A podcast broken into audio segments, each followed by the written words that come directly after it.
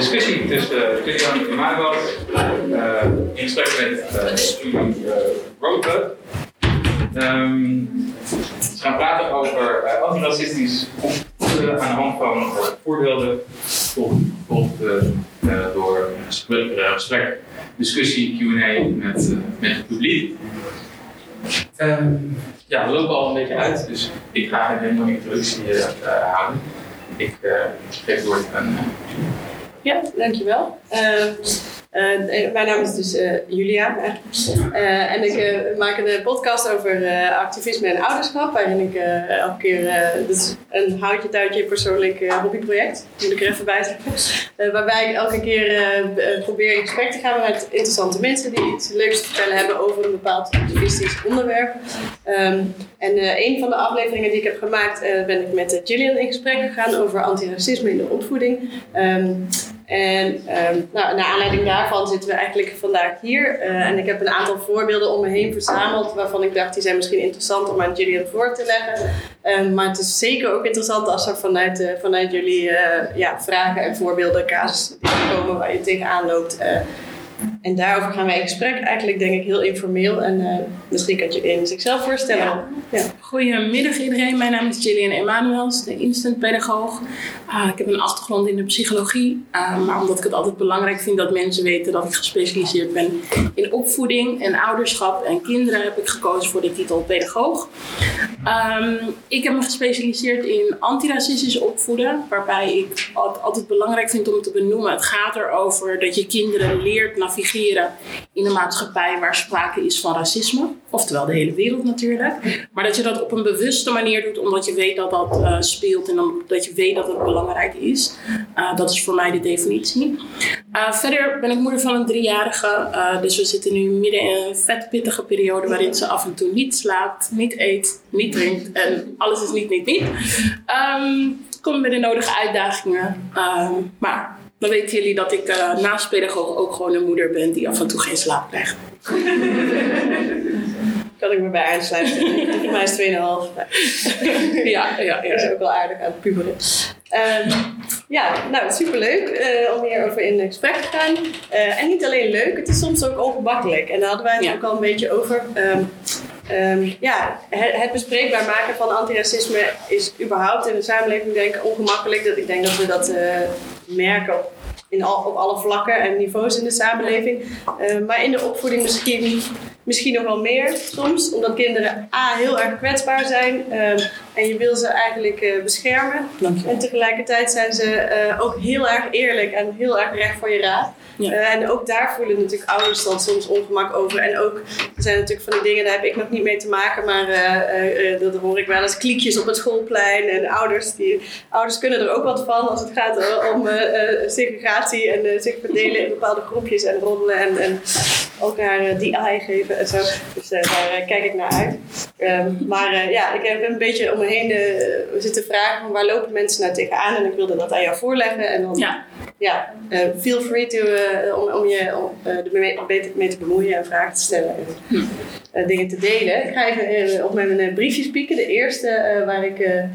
Uh, waar ik mee te maken kreeg, is eigenlijk uh, uh, een vriendin van mij. Um, zij is wit, haar man of partner is zwart en hun kind is van kleur. en haar dochter, dus het kindje, die, um, die is in een soort fase, eigenlijk al best wel lang ook, waarin ze dus heel erg bezig is met prinsessen zijn wit en blond en ik wil een prinses zijn. En, en, en dus ik ben niet mooi, want ik ik heb een bruine huid en ik heb zwart haar. En ik, uh, ik wil net zo mooi zijn als jij, mama. Want mama is blond en wit. En het kind streeft dus eigenlijk een schoonheidsideaal naar dat de moeder heeft. En dat is echt super verdrietig en, en heel erg moeilijk en ingewikkeld. En um, ja, zij weet soms niet zo goed hoe ze daarmee om moet gaan. Behalve te zeggen, nee liefje, natuurlijk, jij bent de allermooiste. Ja. En jij kan ook een prinses zijn. Ja. Het is vast iets wat je vaker tegenkomt. Ja, zeker. Ja, ja dit is een heel uh, bekend, bekende uitdaging binnen de opvoeding. En met name de opvoeding van kinderen van kleur in een maatschappij als deze. Um, ik heb even de leeftijd gemist. Ja, het, maar, ik zit te denken, volgens mij is het kind 7 nu. Ja, oké. Okay. Um, het heeft, enerzijds hoort het een beetje bij een, een, een, normale ontwikkeling dat je je wilt spiegelen aan je ouders. Dat je als, als, als, als kind een van je ouders uh, wilt zijn. Um, wat het hierin lastig maakt is dat component waar we in Nederland hartstikke angstig voor zijn. Van oh jee, ze ziet kleur, ze ziet verschillen tussen mensen. Um, en die reactie daarop, die kan haar gedachten eigenlijk versterken. En haar gedachte, die is enigszins terecht, want ja, witte mensen hebben heel veel macht in de maatschappij. Ze hebben een vooraanstaande positie. Um, dus het is fijn om die positie te willen. Weet je, het is hetzelfde als dat je een wedstrijd gaat doen en zegt: Ik, ik wil winnen is hetzelfde. Je gaat ook niet zeggen, ik ga een wedstrijd doen om te verliezen. Dat doe je ook niet. En dat is wel een beetje de observatie die kinderen maken in de maatschappij. Van oké, op het moment dat ik die eigenschappen heb, dan kan ik een prinses zijn. Op het moment dat ik die eigenschappen heb, dan kan ik astronaut worden. Of noem het op, dokter worden. Um, en je neiging als ouder is eigenlijk gelijk zeggen: nee, jij bent mooi zoals je bent, je bent prachtig.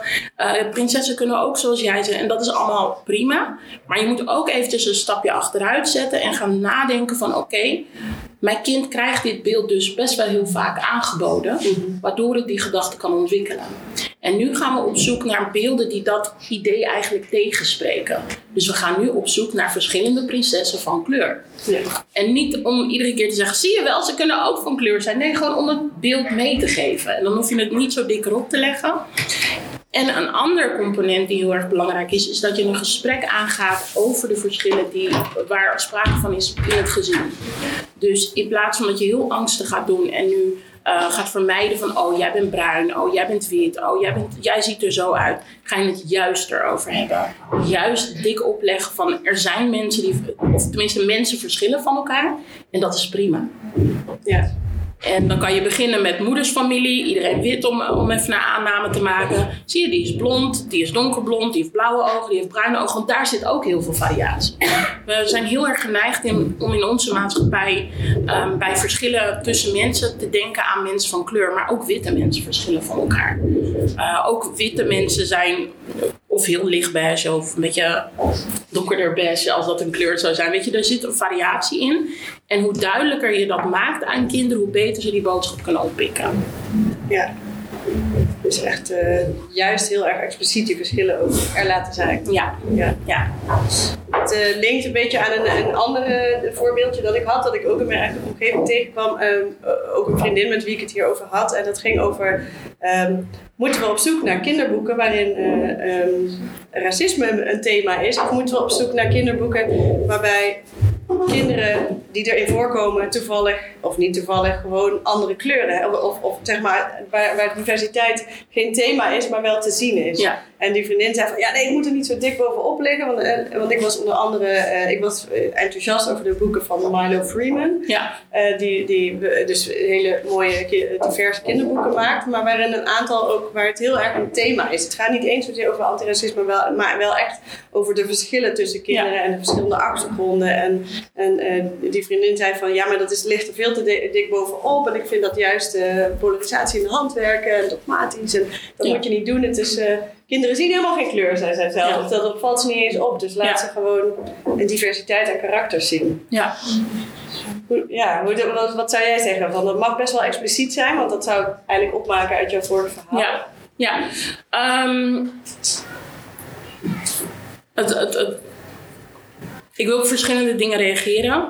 Uh, allereerst, kinderen zien kleur. De meeste mensen die stellen dat kinderen geen kleur zien, zijn witte mensen. Uh, omdat die er, de ervaring niet hebben dat zij uh, afgerekend worden op hun kleur of beoordeeld worden op hun kleur. Mensen van kleur die zijn gepest, die hebben opmerkingen gehad, die hebben vragen gehad over het feit dat zij anders zijn in een Nederlandse maatschappij. De vraag van hé, hey, waar kom je vandaan? Waar kom je nou echt vandaan? En ik zeg ja, ik kom uit Amersfoort. Nee, maar waar kom je nou echt vandaan? Uh, nee, maar bedoel je dat ik net uit de bus kom? Nee, maar wat zijn je roots? Dat geeft al aan dat je mij niet als Nederlander ziet. En vertel ik mijn verhaal, ik ben Surinaams, dus mijn ouders zijn onder de Surinaamse vlag of onder de Nederlandse vlag geboren. Mijn grootouders zijn onder de Nederlandse vlag geboren. Ik ben net zo Nederlands als, weet ik veel, noem het op. Um, maar je wordt toch in een positie geplaatst waaruit blijkt dat jij niet een echte Nederlander kunt zijn. Dat is de ervaring die mensen van kleur van jongs af aan hebben. Um, als je kijkt naar hoe heel veel mensen van kleur zijn opgegroeid op de basisschool, um, hebben zij opmerkingen gehad van leeftijdsgenoten, hebben ze vragen gehad van leeftijdsgenoten. Allemaal die duidelijk maken dat kinderen vanaf het moment dat ze kunnen praten, kleur zien en raciale kenmerken ook waarnemen. Um, dan is het natuurlijk de vraag van oké, ga je boeken kopen waarin het over racisme gaat of ga je boeken kopen waarin mensen gewoon van elkaar verschillen en het er verder niet over hebben? Ik denk dat het een combinatie van beide moet zijn. Er zijn heel weinig boeken die gaan over racisme, maar als ze er zijn, dan moet je ze kopen. Um, de reden waarom is omdat je niet wilt Um, nee, laat ik het zo zeggen. Op het moment dat je alleen boeken koopt die gaan over racisme en daar mensen van kleur in uh, afbeeldt, dan lijkt het alsof racisme een probleem is van mensen van kleur. En dat is niet waar. Het is een probleem van witte mensen, of tenminste laten we zeggen van witheid. Niet van individuele witte mensen, maar van witheid, groep witte mensen. Ehm, dus je wilt die mensen van kleur eigenlijk ook afbeelden terwijl ze, weet ik veel, het gras aan het maaien zijn. En terwijl ze het vliegtuig pakken, de normale dagelijkse dingen doen. Niet dagelijks met het vliegtuig, maar jullie snappen. um, weet je, dus er moet, een, een, er moet een verdeling tussen zijn. Aan de andere kant zeg ik van de realiteit is wel dat het leven van mensen van kleur gepolitiseerd is. Dus als persoon van kleur um, heb je te maken met racisme en word je gevraagd bij thema's over racisme van hé, hey, leg eens uit hoe dat zit, leg eens uit hoe dat gaat. Um, terwijl we heel weinig gesprekken voeren in onze maatschappij waarbij witte mensen geïnterviewd worden van hé, hey, je hebt iets racistisch gezegd, gedaan, meegemaakt. Je was daarin uh, onbewust, onbedoeld. Hoe ging dat? Weet je, het wordt altijd een afgeschoven. Dus ik zit even te denken, heb ik de vraag niet een beetje beantwoord? Want ik ga alle kanten op. Ja, jij zegt eigenlijk, het is een, combinatie. Het ja. moet er allemaal zijn. Ja. ja. Dus vooral wel expliciet benoemen, maar uh, het moet ook gewoon heel normaal zijn dat er een diversiteit aan mensen wordt afgebeeld in kinderboeken. Ja, ja, ja, dankjewel. Ja.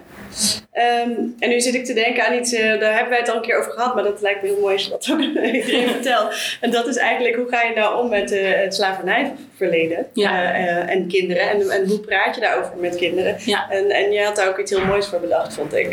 ik weet wat ik bedoel. nee. Alter. Oh, um, nou ja, kijk... Het, het, het vlecht ook heel mooi in op wat ik net zei. Hè? Het slavernijverleden, dat en het is geen verwijt naar jou, dat wordt nu gevraagd in het kader van antiracisme. Ja. Antiracistisch opvoeden. En dat zijn eigenlijk twee aparte dingen.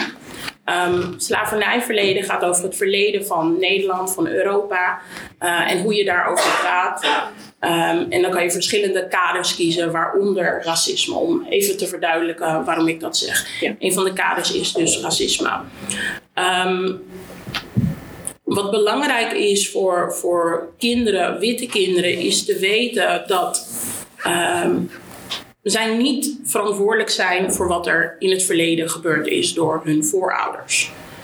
Um, zij zijn niet in de positie, zij kunnen geen juridische excuses aanbieden. Weet je, dat, dat heeft allemaal niks met kinderen te maken. Dus in je verhaal is het belangrijk om duidelijk te maken dat mensen van toen der tijd keuzes hebben gemaakt die vandaag de dag nog effect hebben op ons leven.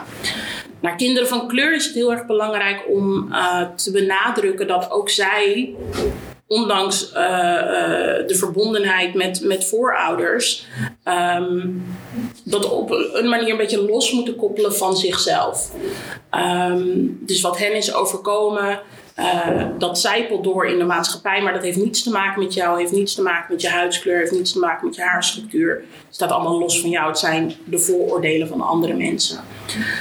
Um, en wat je kunt doen is dat je heel praktisch met kinderen een herdenkingsmoment gaat inplannen. Een, een momentje gaat uh, inplannen waarop je het erover hebt, een kaarsje brandt, uh, verhalen bespreekt van mensen die uh, in die tijd leefden. En natuurlijk vanuit het perspectief van tot slaafgemaakte mensen.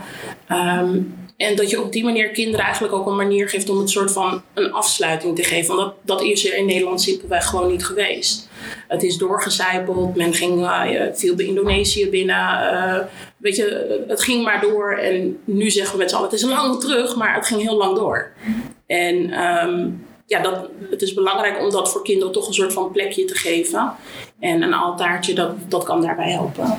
Ja, En een altaar, ja, dan bedoel je iets waar je dus, wat je ook samen met je kind Ja. bijvoorbeeld kunt maken Ja, in huis. zeker. Of, eh, Ja. ja. ja, vond ik heel mooi. Een mooi ritueel of zo. Ja, Ja. vraagt ik wil alleen vragen of er dus eh, materialen zijn. Ehm, dat vind ik dan altijd het makkelijkste om eh, eh, boeken en eh, in andere landen heb je daar, of in Engeland ben ik het meer gewend dat je ook voor kinderen veel eh, ja, eh, uitlegmateriaal hebt. Ja. Met een taal die aansluit Ja. op de leeftijd. En ik weet niet of het Rijksmuseum ook nu ook een afdeling voor kinderen heeft. eh, Oh, daar ben ik echt lang niet geweest. Nee, ook op, op troost. Ik weet niet, er is nu een, een aantal van die eh slavernijverhalen, zeg maar, eh, eh, tentoonstellingen. Ja. Ja. Ehm, en of daar ook voor kinderen afdelingen zijn, of boeken gemaakt, of in het Nederlands dan, hè? Want- Het is een super moeilijke vraag, simpelweg omdat ik bijna twee jaar niet buiten ben geweest natuurlijk. Ehm, ik weet wel dat voor die tijd ging het met name, waren het expo- exposities, dus dan waren het tijdelijke tentoonstellingen.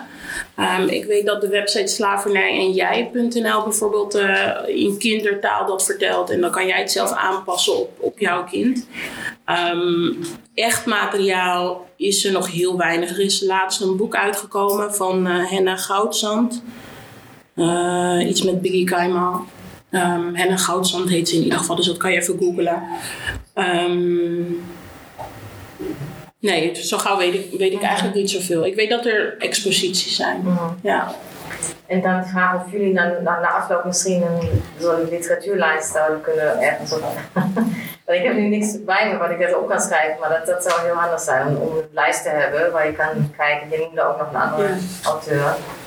Ja. Misschien aan de organisatoren geven, of zodat we die ons kunnen sturen. Dat zou wel leuk zijn, ja. Ik heb geen hele uitgebreide lijst, maar ik, wat ik zei van Henna Goudzand, Milo Freeman zijn bijvoorbeeld wel namen.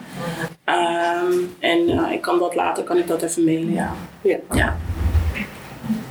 Ik heb nog een, eh, ik, ik dacht ik wil jou zo ook even vragen, want jij hebt vanuit je werk denk ik ook een heleboel voorbeelden en casussen waar je tegenaan loopt of waar je mee te maken krijgt. Ja. Ehm, maar ik had één eh, kleine persoonlijk voorbeeldje en ik merk dat dat iets is waar ik bijvoorbeeld zelf heel veel ongemak over voel. Omdat ik het gewoon niet zo goed weet en me afvraag, is dit een blinde vlek van mij als witte ouder met een wit kind? Eh, dus dat wilde ik gewoon voorleggen. En ik, ja, het is alleen maar goed dat ik daar ongemak over voel. Ehm, en dat is, eh, nou, mijn dochter is 2,5 en die heeft een popje, een zwart popje. En eigenlijk al vrij jong, ik denk toen ze misschien anderhalf was of zo, vroeg ik een keer aan haar, hoe heet die pop? En toen zei ze, en kon ze nog niet praten eigenlijk, hè, dus klanken. Toen zei ze, cola.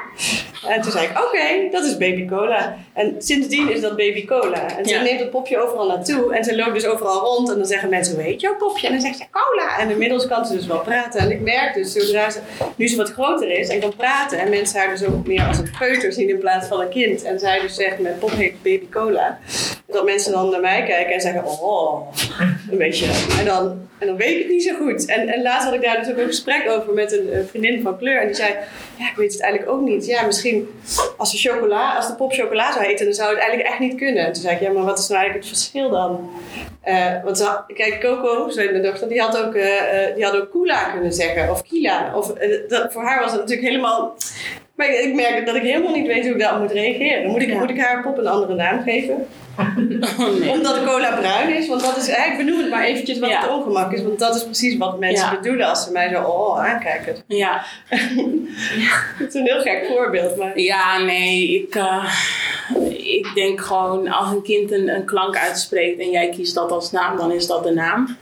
Ehm, en dat is ook het verhaal dat je vertelt als mensen ol doen. ja, Ehm, ik zie zelf geen kwaad in dat een pop cola heet en al zou het cola genoemd zijn omdat het bruin is, denk ik. ja, Nee. dat is ook zo. Nee, er zit geen stigma rondom cola, zeg maar. En, en, en eh, mensen van kleur of zwarte mensen, dat, dat is er niet. Dus ik, ik, ik zie die gevoeligheid niet. Nee. Ehm, ik heb zelf ervoor gekozen om de poppen van mijn, van mijn kind een naam te geven. Ehm, dus dat je het met de klank doet, dat is voor mij weer eye-opening. Van, oh ja, dat had ik ook kunnen doen. Heel benieuwd wat ze dan gezegd had. Waarschijnlijk iets van eten ook. Van, Ja. ja, dat is haar leven. Ehm, maar ik heb er zelf voor gekozen om, om ze namen te geven. En dan zei ik gewoon, ja, dit is Pop Nandi. Nou, is ook niks mee aan de hand natuurlijk. Ja. Nou ja, nee, dus ik zie het. Nee, ik denk dat je dat ongemak gewoon los kan Ja, laten. ik merk dat ik zelf dan altijd zeg, ze heeft nog nooit cola gedronken. Dat kan ik me weer wel voorstellen. Ze is een peuter, weet je, ze weet niet wat cola is.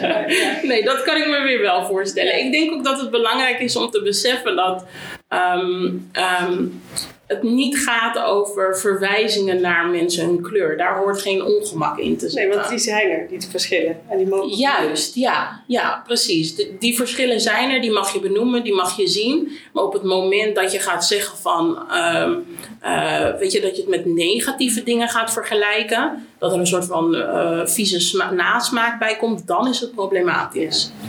Ja, maar op zich is er niks mis met mensen die beige zijn, bruin zijn, donkerbruin. Ja. ja, zo voelt het op zich ook. Maar ik wilde het even testen. Zo. Ik weet niet of andere mensen daar ideeën over hebben. Ja. Zijn er eh, voorbeelden waarvan jullie denken van... Oh, ik heb ook iets waar ik tegenaan loop of eh, wat ik wel interessant vind? Of waar, waar jullie denken? En anders vraag ik het aan Gillian. Want ik denk dat jij eh, vanuit jouw ervaring gewoon van alles kan vertellen. Ja, Ja, dan het uh, is zo ik nadenk over wat je wil bereiken. kan je ietsjes harder praten? Ja, sorry. Ja, dankjewel. Wat wil je bereiken met autistisch opvoeden? Ik heb dan een beetje abstract genoemd, maar Ja. ik denk dat dat het belangrijkste is om voor ogen te houden. Ja. Een concrete voorbeeld. Ja, Ehm, het onderscheid maak je op basis van de raciale identiteit van een kind. En wanneer ik zeg raciale identiteit, ehm, eh, ras is een concept. Eh, er bestaat maar één menselijk ras. Ehm, maar tot welke groep je ingedeeld bent, maakt een verschil van leven en dood in onze maatschappij. Ehm, en daarom zeg ik raciale identiteit, de groep waartoe je bent ingedeeld. Dus dan kun je het hebben over je bent wit, je bent bruin, een beetje de tussengroep tussen niet wit, niet zwart, of je bent zwart. Ehm, en in feite is dat een hedendaagse rassentheorie.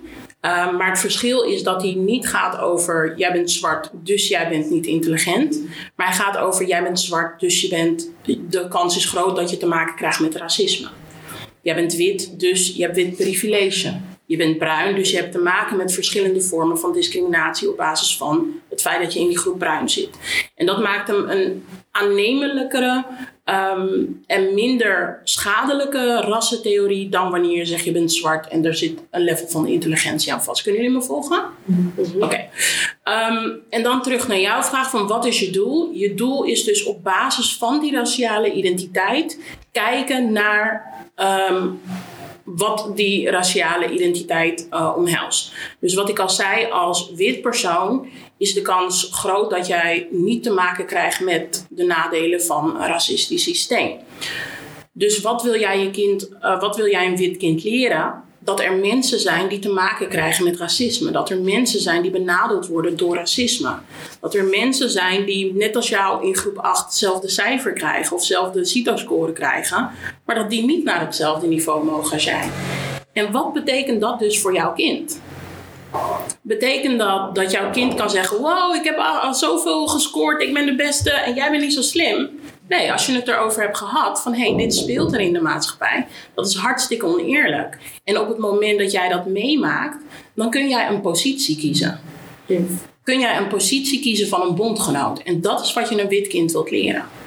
Tegelijkertijd bij een bruin kind of een zwart kind, en bruin is dan niet de feitelijke omschrijving van huidskleur, het is gewoon echt de rest van de wereld die niet zwart of wit is. Dat is hoe het, hoe het is uh, opgesteld, die theorie, zeg maar. Um, bij een bruin kind gaat het erom, je hebt niet het privilege van wit zijn. Um, je hebt ook niet te maken met anti-zwart racisme, wat echt wel een grote vorm of onderdeel is van racisme, zeg maar. Uh, en colorism tegelijkertijd. Um, dus enerzijds moet je een bondgenoot zijn voor zwarte mensen. Anderzijds heb je ook te maken met racisme en discriminatie. En dus is het voor bruine kinderen heel erg belangrijk om te weten dat dat, dat, dat spanningsveld er is. Soms ben je een slachtoffer en dat betekent dat je moet gaan kijken naar een stukje weerbaarheid en veerkracht. En soms kan je ook iemand zijn die het in stand houdt of die het teweeg brengt. Um, en dan gaat het dus heel erg over van oké, zorgen dat een kind weet hoe je het teweeg brengt. En zorgen dat een kind weet hoe je een bondgenoot bent. En voor een zwart kind gaat het dan heel erg over weten dat racisme een, een, een factor is in je leven. Um, en dat dat niet jouw schuld is. Want dat is wat je heel vaak ziet, dat eh, kinderen van kleur zeggen van... hé, hey, ik wil graag wit zijn, hè, ik wil een witte prinses zijn. Simpelweg omdat ze dan al een beetje meegekregen hebben wat speelt in de maatschappij. Maar dat is niet hun schuld. Dat is simpelweg een observatie die zij gedaan hebben. Um, en waarvan jij als ouder het gesprek aan moet gaan over wat er speelt en waar dat komt. En tuurlijk, dat ga je niet met een driejarige doen. Maar je kan wel gaan kijken naar wat zijn die dingetjes die ik nu alvast kan opbouwen om daar naartoe te werken, naar dat gesprek toe. Ja. Helder? mag, mag ik een voorbeeld geven? Een Ja. dochtertje van uh, vier, maar ze is reeds nieuwsgierig. En het was toen uh, ja, de dood van George Floyd en ze had ervan meegekregen. Ja. Dus dat hebben wij uitgelegd dat de politie nou ja, gemener doet tegen zwarte mensen dan tegen witte Ja. mensen. En toen als de politie zag, werd ze een beetje bang. Ja. Vaak. En toen zei ze, oh maar wij zijn wit hè mama. Dus nu moeten wij niet bang zijn. Ja. En toen dacht ik, ja, we zijn wel een stapje, maar volgens mij ook dat ze meer behoeft. Ik heb geen probleem, dus ik wil wel een stapje verder gaan. Toen, eh, ja. En je dochter is wit, zei je? ja, ja. Ja. Ehm, dus nog even de vraag die je stelt. Nou, de vraag is meer, ja, die stad verder als bondgenoot, om ze bondgenoot te maken. Ik heb wel de discussie met haar gehad van, Ja. is dat eerlijk? Nee, dat vond ze niet eerlijk. Ja.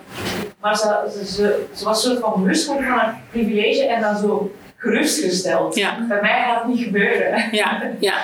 Ehm, kijk, een vierjarige kan je wat dat betreft nog geen verantwoordelijkheid geven hierin. Dus die kan je ook niet de verantwoordelijkheid geven van een bondgenoot in die situatie. Dan gaat het over. ehm, nee, laat ik het zo zeggen. In die situatie kan dat niet. Maar wanneer het gaat over iets tussen leeftijdsgenoten, dan kan je weer wel een bepaalde verantwoordelijkheid geven. Ehm, en wat ik bedoel met die verantwoordelijkheid is dat jij niet tegen haar kan zeggen van hé, hey, als je dat ziet, als je dat meemaakt, als je daar geluiden van hoort, weet je, dat kan gewoon niet. Wat je wel kunt doen is dat je gaat vertellen wat jij kan doen. Als volwassene die wel een verantwoordelijkheid daarin heeft. En dat is iets wat je prima kunt benoemen naar een vierjarige. Ook demonstraties en dat. Precies, ja. Ja. Ja, ja zo, zo zou ik hem insteken wat jij hebt gedaan. Of wellicht wat je niet hebt gedaan, want dat, dat is ook heel Wat realistisch. beter was geweest.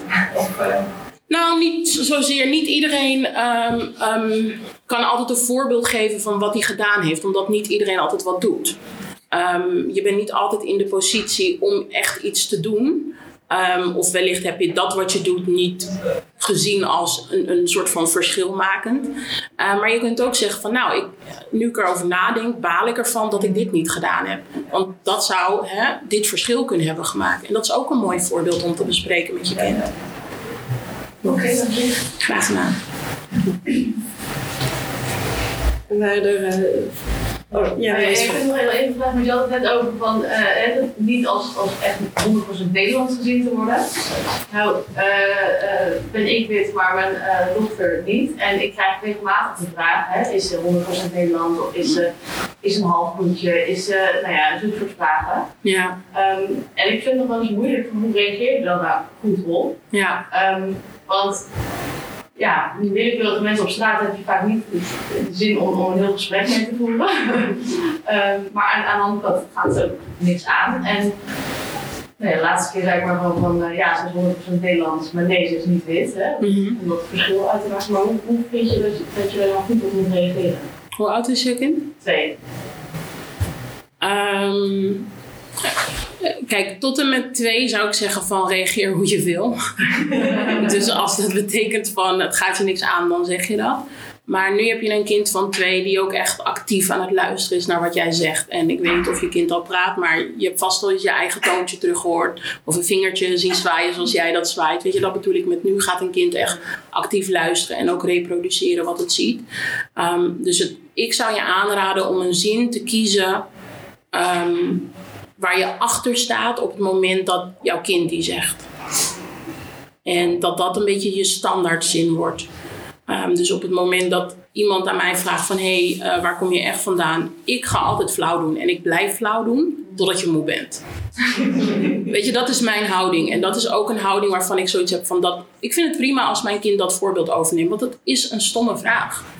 Ehm, dus daarom zeg ik van zoek iets waarvan je wilt dat je kind dat ook gaat zeggen of doen. Dat zij die vraag natuurlijk ook straks zelf gaat Absoluut. Ja. Ja, absoluut. Ja. Ja, heb je daar wat aan? Dankjewel. Graag gedaan. En had jij voorbeelden vanuit je eigen, pra- vanuit jouw praktijk, jouw werk? Ja, ik kan drie uur lang praten, inderdaad. Ehm, nee, wat ik, wat ik vaak zie is dat men ehm, heel ongemakkelijk wordt op het moment dat kinderen vragen stellen. En toevallig had ik gisteren een situatie. Ik zei al, hè, ik heb een dochter van drie. Gisteren, vanochtend, zie je, als je slecht slaapt. Hè? Het was echt vanochtend gewoon. Ehm, mijn we hebben een, een, een, een, hoe noem je dat ding nou? Een traphekje in de keuken, want ze mag niet in de keuken natuurlijk. Ehm, en wanneer wij naar de keuken gaan, dan gaat die dicht, zeg maar. En dan kan ik gewoon even ongestoord koken, zonder dat ik een eh, kleine omheen heb eh, waggelen. En ehm, overdag staat die open. Ze ging met haar vader naar de keuken en ze zegt: "Eh, Jij mag hier niet komen. Dit is alleen voor jongens. En ik denk: Oké, ik weet niet wat ik hier moet zeggen. Ik heb een dochter. Ehm, dus ik heb het gewoon eventjes gelaten. Zo van: Weet je, ik kan nu heel erg erbovenop gaan leggen van: Je bent een meisje, want ik wil dat je een meisje bent. Maar ik dacht ook van: Op zich geeft ze nu aan dat ik eventjes niet in de keuken mag komen. Dus ik zeg, oh wil je dat ik niet in de keuken kom? Ze zegt ja. Ik zeg, oh dan kan je gewoon zeggen van mam wacht even, want ik ben eventjes in de keuken bezig. Dan ga je niet zeggen van verboden voor jongens of zo. Ik dacht ik haal dat gedoe eventjes weg uit haar hoofd, want dat heeft ze ergens opgepikt natuurlijk. Ehm, ik heb ook zoiets van ik probeer eh, heel erg open te staan naar wellicht een moment dat zij zegt ik voel me geen meisje. En dat, hè, dat is de realiteit. Ehm, dus ik wil haar ook niet benadrukken. Je bent een meisje, je bent een meisje. Dus als je zegt het is verboden voor jongens, dat klopt niet. Nee, als dat haar woorden zijn, dan zijn dat haar woorden. Maar ik voelde wel eventjes zo'n moment dat ik dacht oké. wat, wat ga ik nu doen, zeg maar? Wat, wat ga ik nu zeggen? Verboden voor jongens, ik zie als een meisje. En wat ik heel vaak zie bij ouders is dat ze dan of niks zeggen, of dat ze, ehm, dat ze, ja, dat ze niks zeggen, of dat ze zeggen dat mag je niet zeggen. En ik, ik denk dat het ehm, fijner is voor een kind om te weten wat je wel mag zeggen, ehm, dan dat je gaat verbieden wat je, wat je niet mag zeggen, zeg maar. Zeker als het niet kwetsend is. Um, dus om het even duidelijk te maken, op het moment dat je kind um, um, zegt van, oh, kijk, dat is een bruine meneer of zo, dan ga je dus niet zeggen, oh, dat mag je niet zeggen. Want nu lijkt het alsof bruin zijn verkeerd is natuurlijk. Daar, daar is niks mis mee. en stel dat je er moeite mee hebt dat je kind dat zegt, terwijl bruin gewoon een constatering is. Weet je, ik, ik zou jou omschrijven als beige.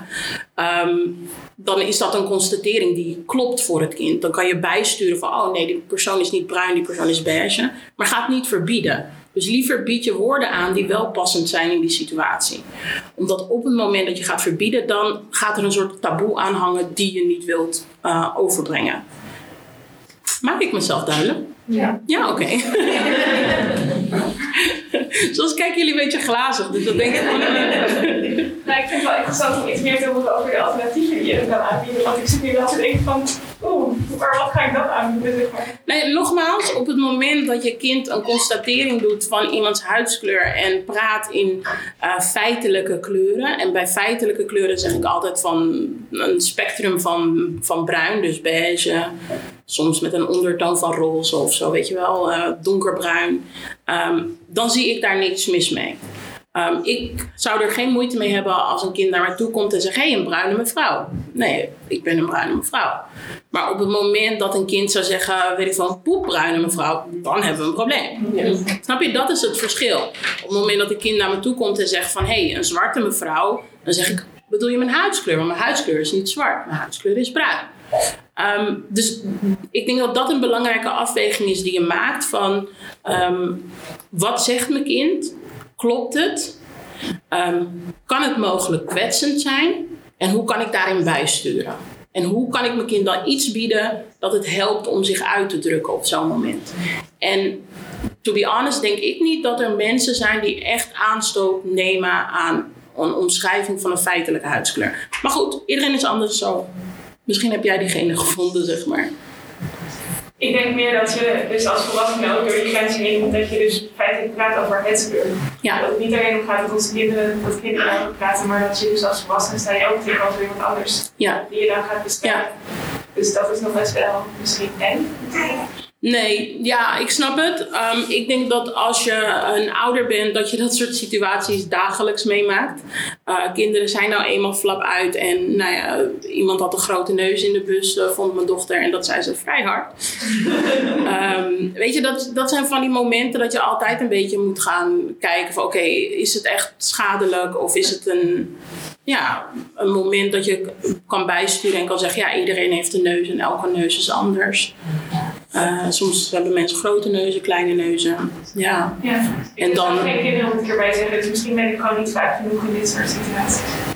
Mijn inschatting op basis van één kind, denk ik dat je heel snel, hoop ik, over die schaamte heen gaat stappen. Kinderen zijn flap uit en dat doen ze nou eenmaal. Um, en ik heb mezelf zo'n houding aangeleerd van ja, als mijn kind iets ziet en ze benoemt het, ja, dan is dat voor haar zo. Uh, daar ga ik me niet voor verontschuldigen. Tenzij ik een keer iets uitgeflapt heb toen ik mijn teentje stootte.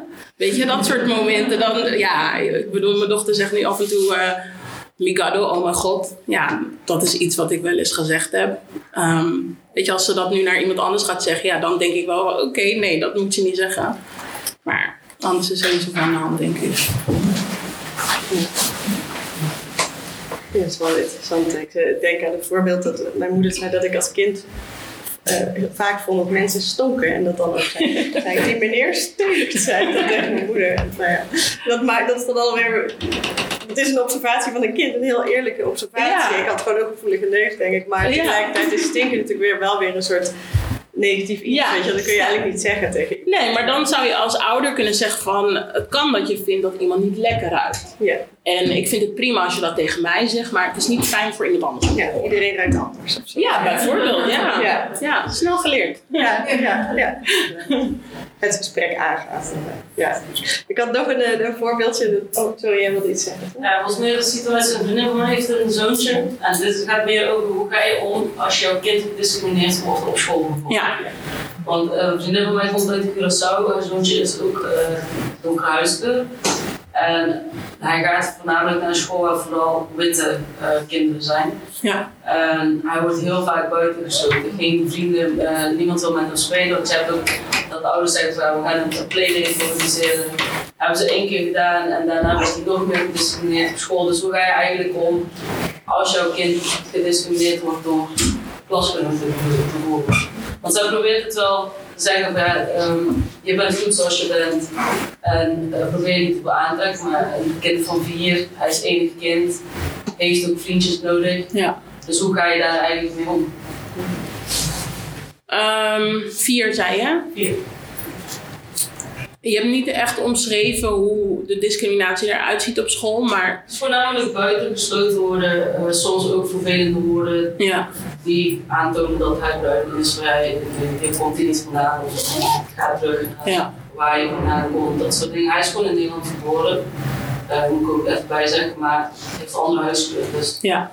Op basis daarvan, op basis van zijn huidskleur, wordt hij gediscrimineerd. Ja. ja, dat is precies wat ik zei. Van mensen van kleur die weten dat kinderen kleur zien om dit soort situaties, uh, dit soort ervaringen.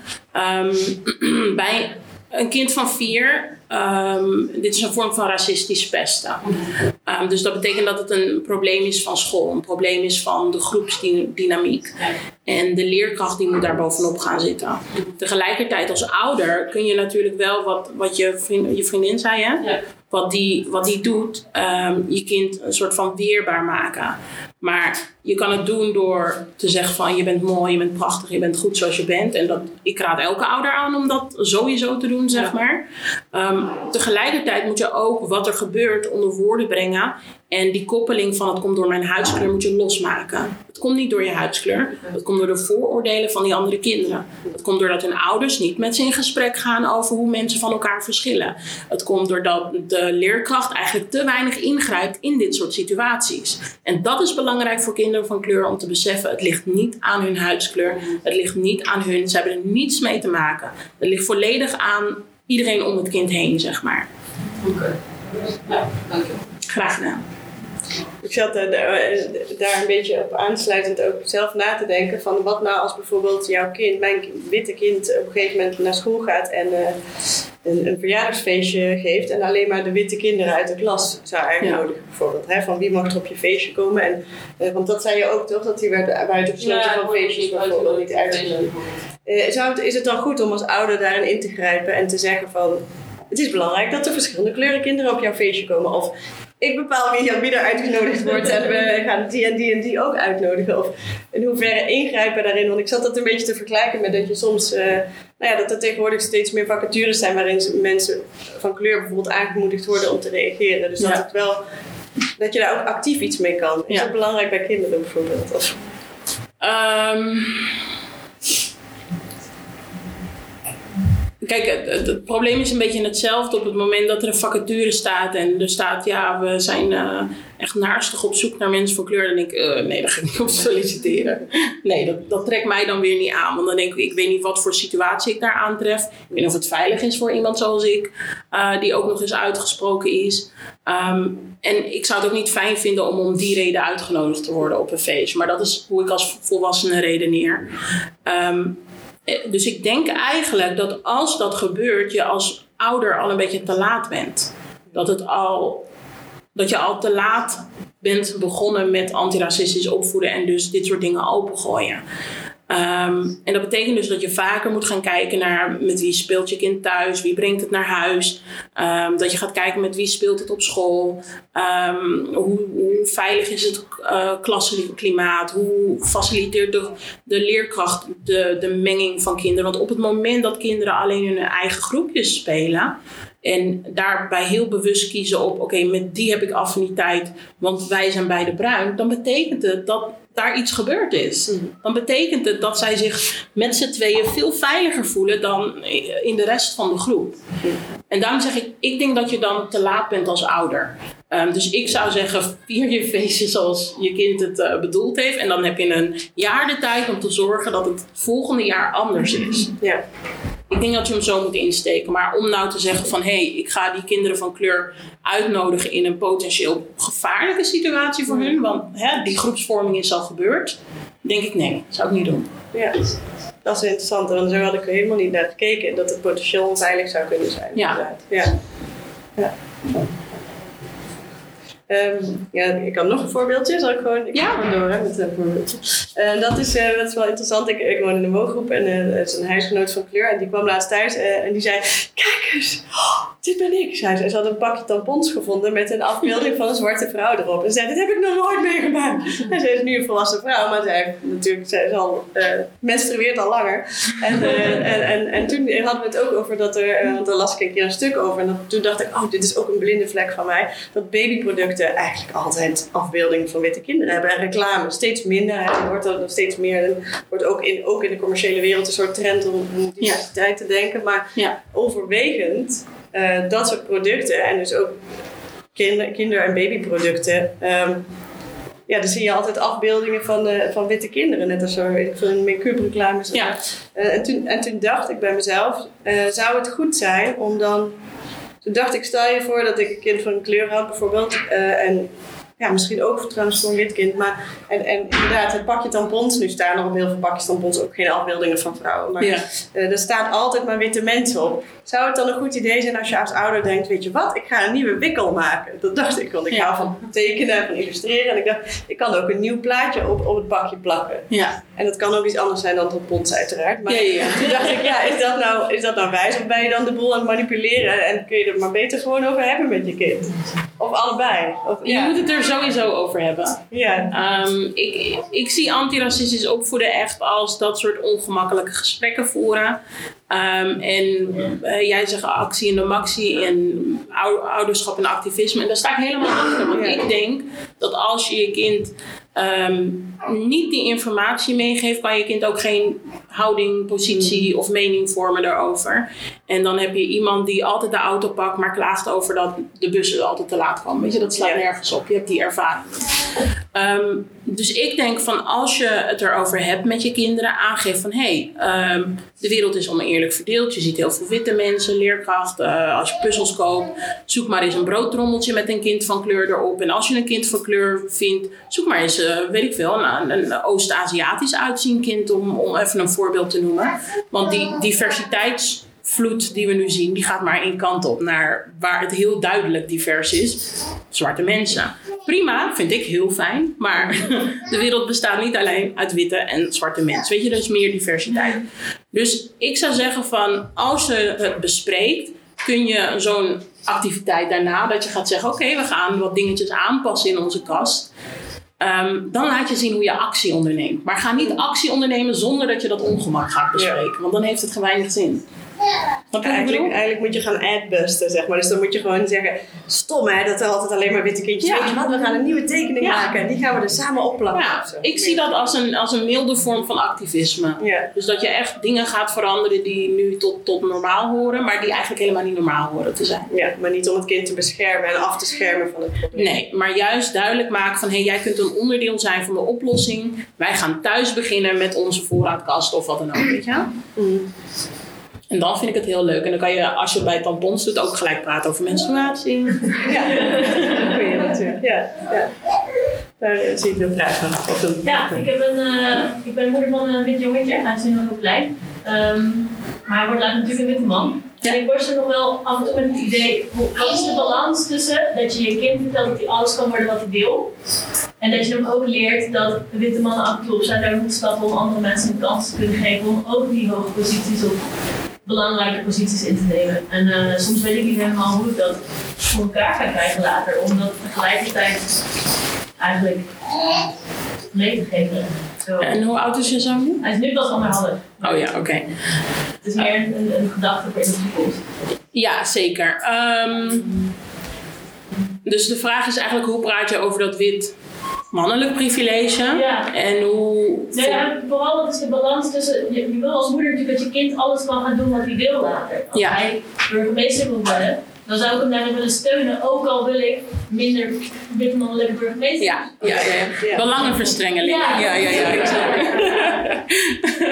Ehm, ik, de boodschap dat je kind alles kan worden, die moet elke ouder geven. Ehm, het gesprek dat je daarbij voert, en dat is een ander gesprek, zeg maar. ehm, waarbij je gaat inzoomen op hoe je dat kan worden. Ehm, dat is een, soort van vervolggesprek die je daar, daarna gaat voeren van... ehm, het is belangrijk dat je ergens hard voor werkt. Andere mensen werken ook heel erg hard. Eh, het is belangrijk dat je eh, zorgt dat je de beste kandidaat bent. En soms zijn er andere mensen de beste kandidaat. Maar ook dat je zegt van hey, wat, wat we zien in de maatschappij is dat er soms niet de allerbeste kandidaat gekozen wordt. Maar dat er gekozen wordt op basis van kleur. En aan die kleur hangt het idee van kwaliteit. En dat is een beetje wat er gebeurt. En dat zijn, daarom zeg ik, het zijn verschillende gesprekken die je gaat voeren. Waarbij je steeds een klein beetje meer loslaat over hoe het er echt aan toe gaat. Maar je wilt niet, zeg maar, de boodschap van je kunt alles worden wat je wilt, die wil je niet, niet geven. Dus wel geven. ja. ja. Ja. Ik wil niet zeggen, geef die droom maar op, want dan verdien je niet of zo. Ja, nee, dat, dat kan natuurlijk niet de boodschap zijn, precies. Ja, ja. En dan de vervolggesprekken gaan over de realiteit, hoe het is en dat hij bevoorrecht is en een privilege heeft. En wat het betekent om dat privilege te hebben. Ja, dus jij zegt, geef gewoon de dubbele boodschap en dat is prima. Ze hoeven elkaar niet uit te sluiten. Ja. Nee, absoluut niet. Maar je moet wel zorgen dat als je die ene boodschap geeft, en zeker bij een witte jongen, ook die andere boodschap geeft. Ja.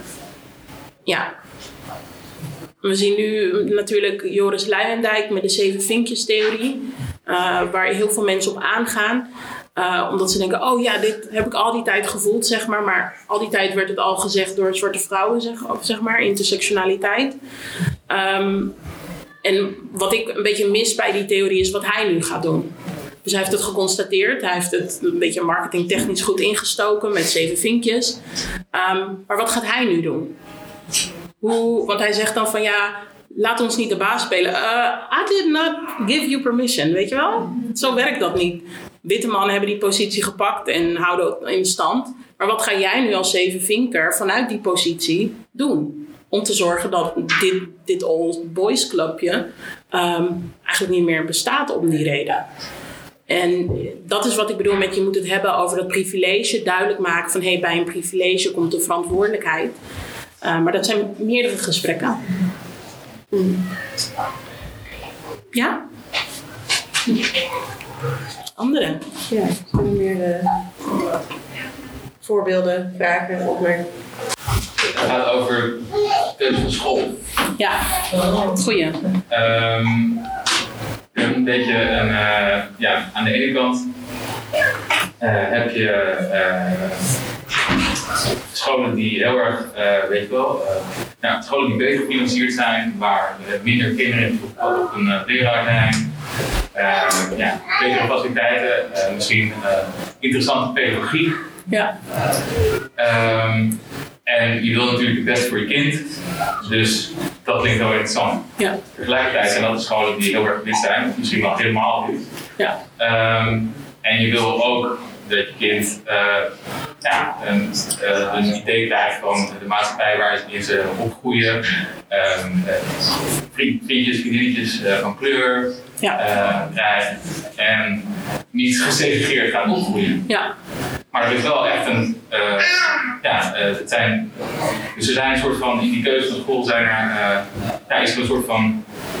Belangenverstrengeling eigenlijk tussen die twee dingen. En Ja. ik weet niet zo goed hoe daar. ja, dubbel toe is. ja. Ehm, wat belangrijk is om te weten is dat heel veel scholen waar overwegend witte kinderen zitten onterecht het label van kwaliteit krijgen. Ehm, en weet je, in Amsterdam hebben we dan bijvoorbeeld excellente scholen. Excellente scholen wil, wil eigenlijk zeggen, ehm, wij doen dit, we hebben de administratie ingeleverd en de administratie daarvan is op orde. Nee, letterlijk, dat is, dat is wat het betekent. Het zegt niets over hoe het kleuteronderwijs is, het zegt niets over hoe de uitstroom is, het zegt niets over de begeleiding van kinderen. Ehm, maar wat we zien is dat heel veel witte scholen het titel excellent krijgen. En wij als ouders denken, oh excellent, gaan we ons kind naartoe sturen. En nog meer witte kinderen, nog meer witte kinderen, nog meer witte kinderen. Ehm, dus dat is even belangrijk om te weten wat betreft Amsterdam. En nou ja, is iets wat je van Nederland tot aan België ziet. Ehm, een tweede punt die heel erg belangrijk is, is dat scholen natuurlijk adverteren met hun allersterkste punten. Ehm, maar pas wanneer je in een school ziet, dan ga je zeg maar, de barstjes zien in, in, in van alles en nog wat.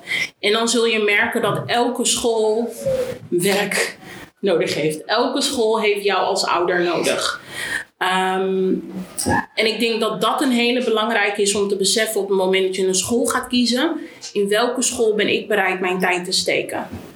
En ik denk dat als je op, op zo'n manier gaat kijken, um, op welke school denk ik dat mijn kind zich prettig voelt, op welke school denk ik dat mijn kind. Uh, um, dat ik dus bereid ben om werk in te stoppen, om uh, aanwezig te zijn, om betrokken bij te zijn. Uh, in welke school voel jij je het prettig, zodat je op basis daarvan een keuze kunt maken. En dan zeg ik niet automatisch van kies voor de school met, met een gemengde gemeenschap of kies voor een school met een witte gemeenschap. Die keuze zal altijd nog verschillen per persoon. Um, simpelweg omdat je als ouder. Um, scholen zoeken, scholen zoeken is al moeilijk zat, zeg maar. En als je dit component er nog eens aan gaat plakken, um, ja, dat, dat wordt gewoon hartstikke moeilijk. Want je hebt, je hebt heel weinig keuze wat dat betreft. Zoveel scholen in Amsterdam, maar we hebben een hele duidelijke verschil in, in scholen en dat is hoe het is. Ja, kan je daar wat mee? Ja, ja, ja, ja heel erg. Ja, ja? oké. Okay, in welke school wil ik, uh, wil ik moeite steken? Ja. Dat, ja, dat zegt echt wel een, een handelingsperspectief. Ja, goed zo. Ja. Ik, misschien wil ik er ook nog iets over zeggen, als je het goed vindt. Ik, ik, uh, ik, ben, ik maak documentaires en ik heb onder andere een film gemaakt over kansen en ongelijkheid in het onderwijs. Uh, voor mij was dat ook een soort uh, eye-opener en zoektocht, waarbij ik heel erg voor de wijkschool, de gemengde wijkschool, ben uh, geraakt.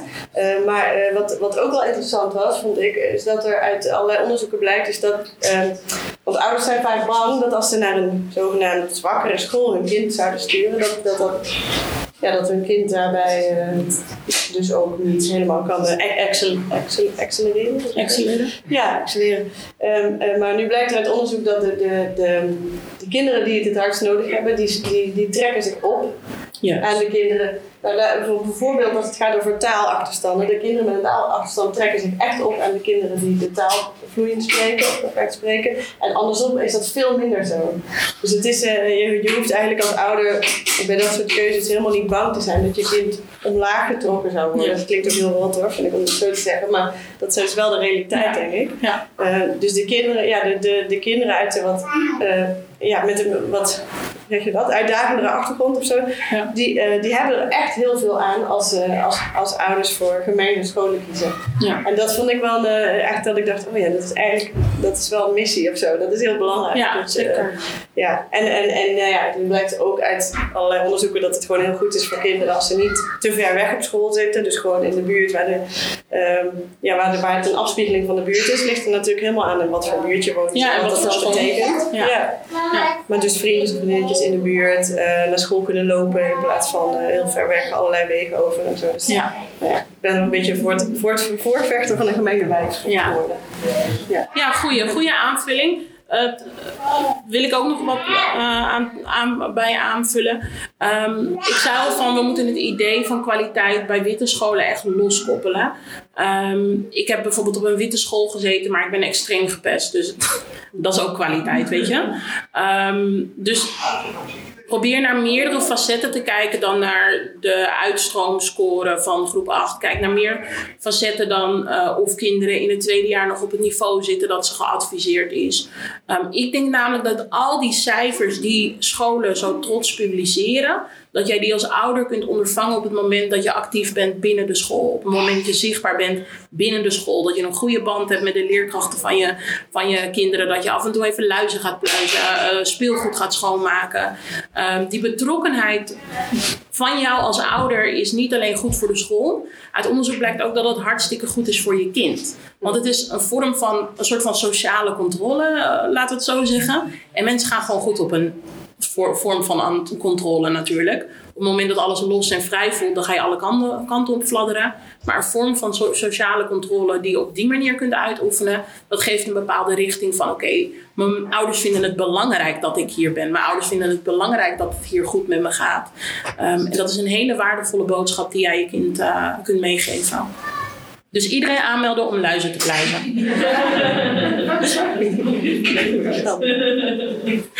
Tot wanneer hebben we ook weer de tijd? Nog 10 minuten. Oké. Ja. Ehm,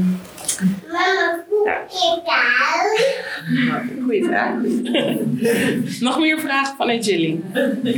Is alles helder wat ik heb uitgelegd? Ja, vertel. Ja, en dat was laatst eh, de school waar mijn uh, dochter zit. En ik wou vermoeden dat uh, Coco naar die heen gaat. want- Ehm, eh, heel fijne buurtschool, uh, weerspiegeling van de wijk.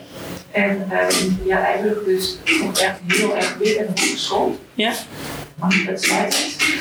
Eh, en de directrice, ik denk dat ze van jou een gekregen, want ineens schiet iets schrijven over hoe moet kleur zien en voelen. Ik zo, Oké. want ik ben aan een workshop geweest. ik was heel positief verrast en ehm, ik, ga- ik ben eigenlijk van plan om haar te schrijven van, heb je steun nodig van ons als ouders? Ja. En ik, maar ik weet zelf ook niet helemaal goed wat ik zou kunnen doen. Maar het eerste idee wat ik had was, we eens even kijken naar jullie curriculum. Eh, hoe gaat het geschiedenisonderwijs? Wat staat er in je Ja. boeken? De, de, de Zwarte Piet boeken hebben we al uitgeselecteerd. Dat Ja. is al twee jaar geleden. En ik vroeg wat input van jullie. Ja, wat, wat zou je ehm, als witte ouder kunnen doen op school? anti-racistisch? Heel veel. Nee, echt heel veel. Eh, jeetje, waar moet ik beginnen? Ehm, je kan, kijk, je kunt gaan zitten op, op, op, op, op beeld, beelden die kinderen meekrijgen. Dus foto's die in boeken staan. Eh, je kunt gaan kijken naar.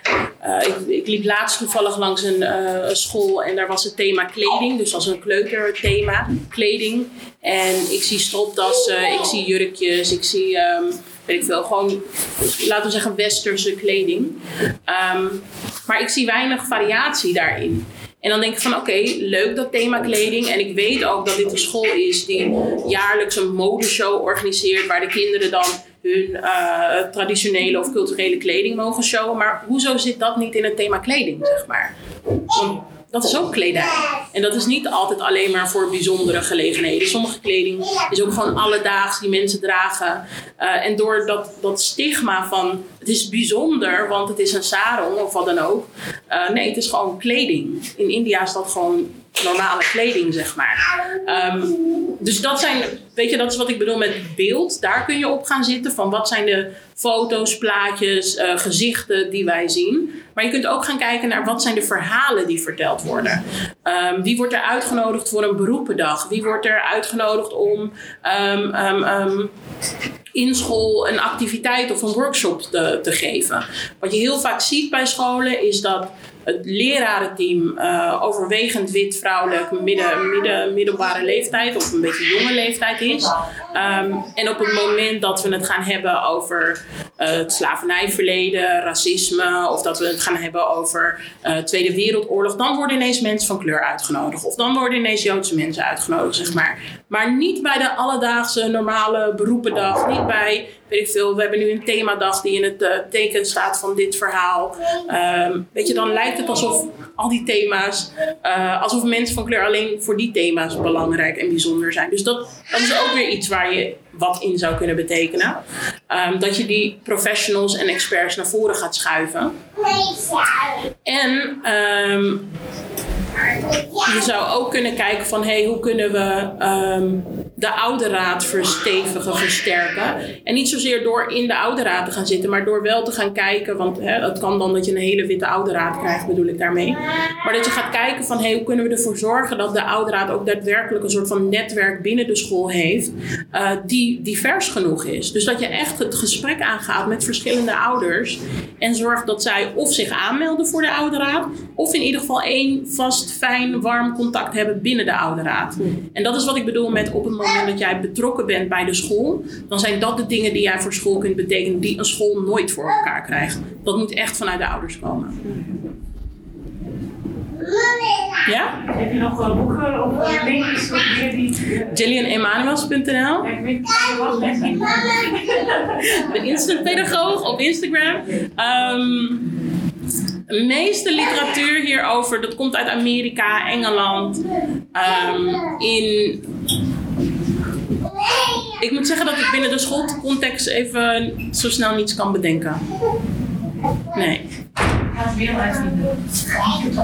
Sorry, wie zei dat? Ik ga het wiel Oh ja, ja, ja, ja. Soms door die mondkapjes weet ik niet wie wat zegt. nee hoor, prima als je hem op hebt. Maar ik dacht even, ik hoor iets, maar ik weet niet wie dat zei.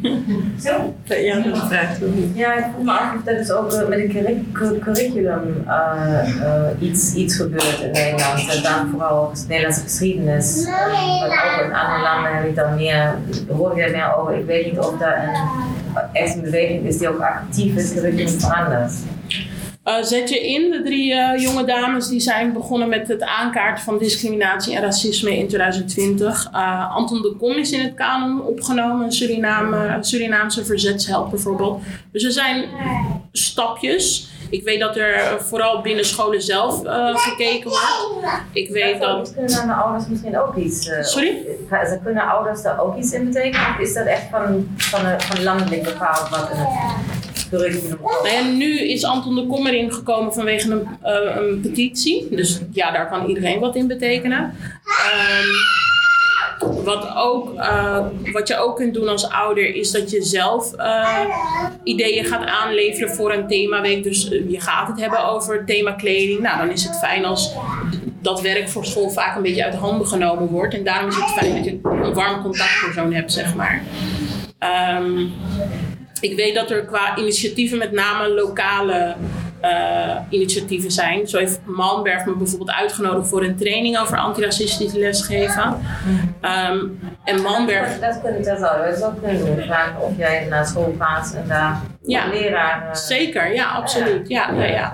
Dus nou ja, Malmberg is een uitgever natuurlijk. Dus dat is, dat is wel een, een plek waar je echt voor grootse veranderingen kunt zorgen. Um, dus er zitten verschillende dingen in de pijplijn. Maar het gaat altijd gewoon om het verenigen van mensen die samen geluid gaan maken. Uh, en dat het geluid zo oorverdovend is dat men wel moet handelen. Ja. ja. Ik denk uh, we moeten gaan afronden. Uh, maar er is nog heel veel te vertellen. En ik zou graag uh, Gillian super willen bedanken voor haar enorme kennis delen. En ik wilde jullie ook tippen dat Gillian een hele fijne nieuwsbrief heeft.